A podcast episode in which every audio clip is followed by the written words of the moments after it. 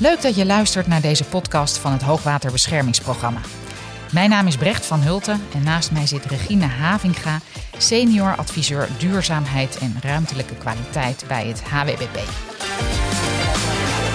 Ja, de politiek heeft allerlei grote ambities geformuleerd. We moeten die klimaatdoelen halen. Kun jij nog één keer kort voor ons opnoemen wat we allemaal uh, moeten nastreven de komende jaren? Nou, even kort. Dat zijn er namelijk heel wat. Maar de belangrijkste is inderdaad uh, de klimaatdoelen. Uh, klimaatneutraal in 2030. Dat is eigenlijk een aangescherpte ambitie van het ministerie van Infrastructuur en Waterstaat. En daar willen we dus ook vanuit de waterschappen uh, naartoe. Verder, uh, ja, er zijn heel veel akkoorden. Er is een grondstoffenakkoord. circulariteit staat hoog op de agenda. in 2030 50% reductie van, van primaire grondstoffen. Ja, uh, en dan hebben we nog uh, biodiversiteit, wat ook eigenlijk steeds hoger op de agenda komt te staan. En ja, aan al die doelen kunnen we vanuit het HWP een bijdrage leveren. Maar de vraag is even hoe we dat gaan doen. Ja, ja kom, kom ik zo op. CO2-neutraal moeten we natuurlijk ook nog worden. Klimaatneutraal, CO2-neutraal. Ja. Geef het een naam. Hè? Ja. Begrip is natuurlijk ook een ding. Ja. Daar begint het al mee. Waar hebben we het over? Ja, in, in 2030. In 2030, dat, dat is, heel snel. snel. Ja. Dat is heel snel. En je zegt, daar moeten wij iets mee. Inderdaad, het HWPP moet daar iets mee. Hoe, hoe geven jullie daar handen en voeten aan? Uh, wat we doen is, we, de, hè, dat zijn Europese uh, landelijke doelen. En die moeten natuurlijk vertaald worden uiteindelijk naar wat doe je dan in de projecten? Hè, dat is de vraag. En dat is ook de moeilijkste vraag eigenlijk. Uh, er is een uh, aanpak duurzaam grondweg- en waterbouw. Die bestaat al uh, eigenlijk al een aantal jaren. Dat is voor ons de basis. Die, daar, dat is een aanpak en daar worden ook tools in genoemd.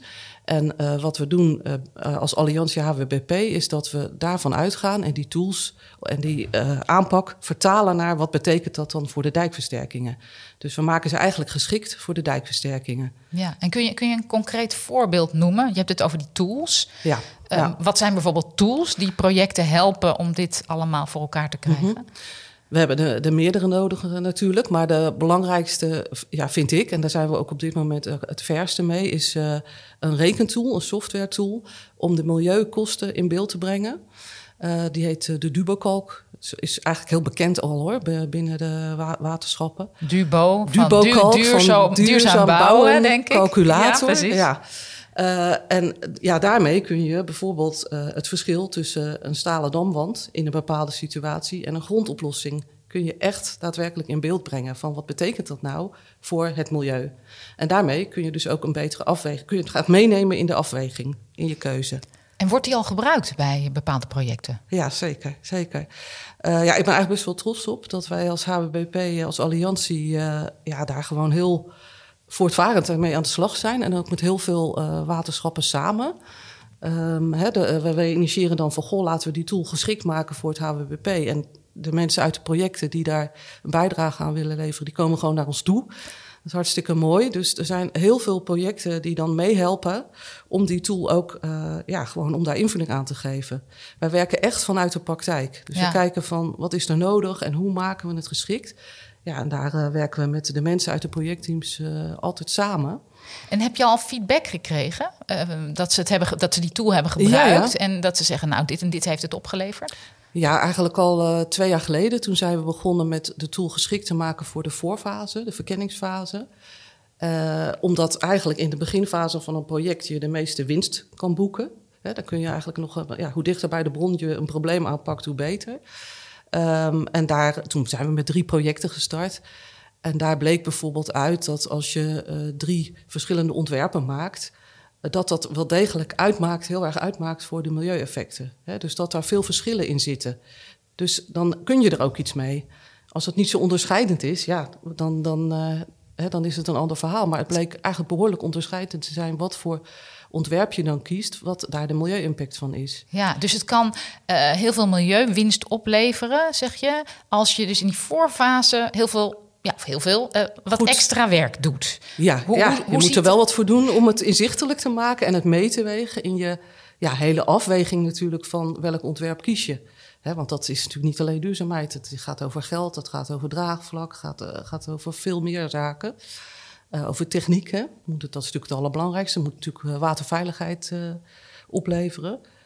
Ehm, ja, zo. En, maar dit is een extra iets wat je eigenlijk in je afweging mee moet nemen. En waar we dus tools voor hebben om het ook echt smart te maken. Zodat je ook weet van wat, wat, wat, wat, je krijgt gevoel voor de bal eigenlijk met die tools. En even nog over die voorfase, want ik mhm. begreep dat dat wel echt cruciaal is en dat dat nog niet overal uh, gebeurt. Wat zou je de waterschappen nu uh, als eerste willen meegeven? Dat je zegt, dit, moeten jullie voor als eerste aanpakken. Ja, um, nou, de, zeg maar de verkenningsfase, dat is de start van een HWBP-project. Maar in die voorfase, voordat het eigenlijk de ingangstoets uh, inkomt hè, bij, uh, bij ons. Uh, dan wordt eigenlijk de opgave in beeld gebracht van wat gaan we nou eigenlijk doen? Wordt eigenlijk het project, de scope van het project wordt daar bepaald. en wat daar belangrijk is, dat je ook de omgeving bij die scopebepaling meeneemt. En dat gebeurt wel, maar meestal nog in beperkte mate. Terwijl... ik kan me voorstellen dat dat ook vaak denken: oh, maar dan wordt het alleen maar groter, het project, en alleen maar duurder. Ja, ja. Nou ja, het, het wordt wel complexer om, hè, omdat, omdat ja, het vraagt wel wat van de mensen die daar natuurlijk mee bezig zijn. Uh, maar uiteindelijk blijkt, hebben we nu ook al behoorlijk wat ervaring mee opgedaan, dat zo'n project uiteindelijk alleen maar sneller en beter gaat lopen, het hele proces, omdat die omgeving goed betrokken is en omdat de ontwikkelingen in de omgeving ook meegenomen worden uh, ja, in dat dijkenontwerp. En dat je daarmee uh, eigenlijk mooiere, betere oplossingen krijgt en ook duurzamer. Kun je, kun je een voorbeeld noemen waar dat zo goed is gelukt al? Ja, dat is uh, een voorbeeld van een project in Limburg waar we nu eigenlijk. Daar, daar was een vrij sectoraal ontwerp gemaakt en er is nu een integraler ontwerp gemaakt. Hè, dus meer met de omgeving samen. En ook gekeken naar de langere termijn. Dus we hebben de rivierverruiming voor de lange termijn hebben we meegenomen in het project nu. En dan kun je dus de grond die daar ontgraven wordt, die kun je benutten voor het aanleggen van de dijken. Ja, dus het levert ook wat op. Dat is een, dat is een duurzame oplossing. Het is duurzamer, de, de CO2-footprint is minder. Het is, nu wordt er ook in één keer wordt eigenlijk het hele gebied aangepakt. Hè, dus het is ook voor minder overlast. Uh, er ontstaat natuur. Want doordat je gaat graven op een zorgvuldige manier kan daar kwel natuur ontstaan bijvoorbeeld. Um, en het is goedkoper, om, omdat je dus uh, ja, niet van, uh, goedkoper en die CO2-footprint is lager. Want anders dan zou je de grond van elders moeten halen. En nu haal je hem gewoon uh, uit de directe omgeving. Ja, dus als ik het goed begrijp, moet het team wat hiermee bezig gaat een heel brede blik hebben. En ook bereid zijn om met allerlei partijen in de omgeving eerst te praten voordat ze eigenlijk ja, sec bezig gaan met de dijken versterken. Ja, daar komt het wel op neer, ja. Ja. Nou, en eerst doorgaan met SEC dijkenversterken, eigenlijk ook in die fase daarna. Het, ja, dijkversterken is nu eenmaal op dit moment steeds ja, een bredere opgave aan het worden. Daar kunnen we niet omheen ook. En daar moeten we niet, ook niet omheen willen, naar mijn gevoel. Nee, maar je zegt er valt echt veel uh, winst te behalen uh, als het gaat om klimaatneutraal werken mm-hmm. hè, en circulair werken. Door gebiedseigen grond toepassen, hè, dus de grond uit de omgeving. Ja, dat uh, eh, 80% van de CO2-footprint van een dijkversterking is, is grondverzet. Hè? Dat komt uit het grondverzet. Dus als je nou zegt, waar kunnen we de meeste, het meest, ja, de effecten beperken? Duurzaamheidswinst, ja, winst dat klinkt positief. Nee, waar beperken we de effecten? Door daar uh, helemaal in het begin goed te kijken van kunnen we meekoppelen met initiatieven uit de omgeving. Bijvoorbeeld rivierverruiming of natuurontwikkeling. Of kunnen we bagger, baggerwerkzaamheden, bagger gebruiken uit de omgeving. Daar valt veel winst te behalen. Ja, ja winst. Je zegt, nou, nou ja, uh, ja, minder schade effect, te beperken. Schade te ja, beperken in feite, ja. Um, en als het gaat om die ruimtelijke kwaliteit, hè, dus uh, aandacht voor natuur en biodiversiteit, uh, hoe kan daar um, ja, een slag in gemaakt worden? Ja, eigenlijk ook. door, die die, door die omgeving daarbij te benutten.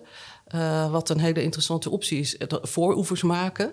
Dus aan de buitendijkse zijde aan de waterzijde, mm -hmm. even voor de, de, voor de leken onder ons, daar uh, natuurlijke oevers te maken. En die remmen dan de golfoploop. Dus dan hoeven die dijk weer minder hoog te maken. daar lopen we aan tegen, ja, dat is een heel ingewikkelde, loop je aan tegen Natura 2000. Want vaak zijn die gebieden zijn al beschermende natuur. Dus daar mogen we dan niet zoveel. Terwijl we eigenlijk daar ook iets aan kunnen verbeteren en kan, kunnen toevoegen. Maar dan loop je dus tegen wetgeving aan. Nou ja, dat zijn zaken waar we uh, ook met elkaar over bezig zijn. Uh, om, om daar te kijken van hè, tegen welke obstakels loop je aan en hoe zou je die obstakels kunnen wegnemen. Precies. En dit is een hele lastige. Ja, Natura 2000 moet, is een hele lastige. Daar moet dus opnieuw eigenlijk discussie over gevoerd gaan worden. Ja. Om dat wellicht open te breken of daar mogelijkheden ja, ook te creëren. creatieve oplossingen ook daar. En ook eigenlijk op projectniveau is dat niet op te lossen. Je moet dat op programmaniveau doen of zelfs over de programma's heen. Dus dat is uh, de zoektocht. Ja, dus veel samenwerken, alle partijen ja, met elkaar. Dat is het alle overheden met elkaar, ja. Ja. Um, ja, de Dijkwerkersdag komt eraan. Wat, wat gaan we zien op die dag? Nou, van alles. Maar als het gaat over duurzaamheid en ruimtekwaliteit... hebben we in de ochtend hebben we een, een uh, markt. Er zijn uh, afgelopen twee jaar, eigenlijk in de coronatijdperk hebben we misschien nog wel harder gewerkt dan voorheen, omdat we thuis zaten. En uh, er zijn uh, wel 15 initiatieven hadden we op de lijst staan die heel graag willen laten zien ja, wat er aan kennis ontwikkeld is. En ook waar nog aan gewerkt wordt. universiteiten ook, of de Rijksdienst voor Cultureel Erfgoed bijvoorbeeld. Maar ook nou ja, zoiets als zo'n Dubelkalk-tool.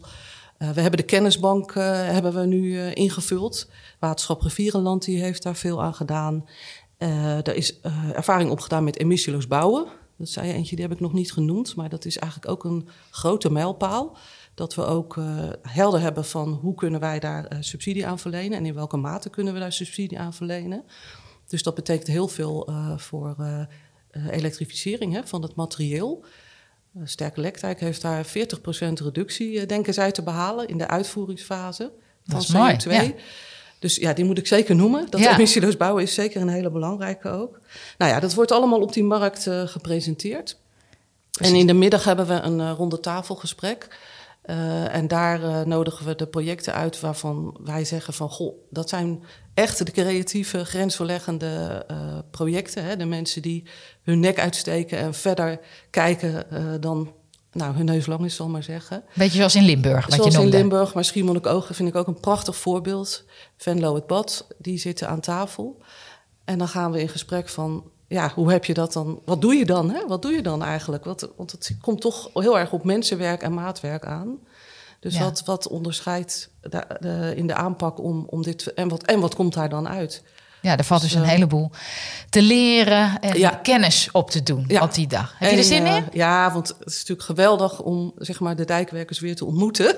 Want wij hebben elkaar uh, ja, twee jaar lang eigenlijk... Ja, je, je, netwerkje werd heel klein. Ja, dus allemaal via Zoom. Ik vind het geweldig om daar weer te zijn. Ja. Oké, ik wens je een hele, hele fijne dijkwerkersdag. Dankjewel, Dank je. Regina Havinga. En wil je nou meer weten over het realiseren van een duurzame dijk die past in de omgeving?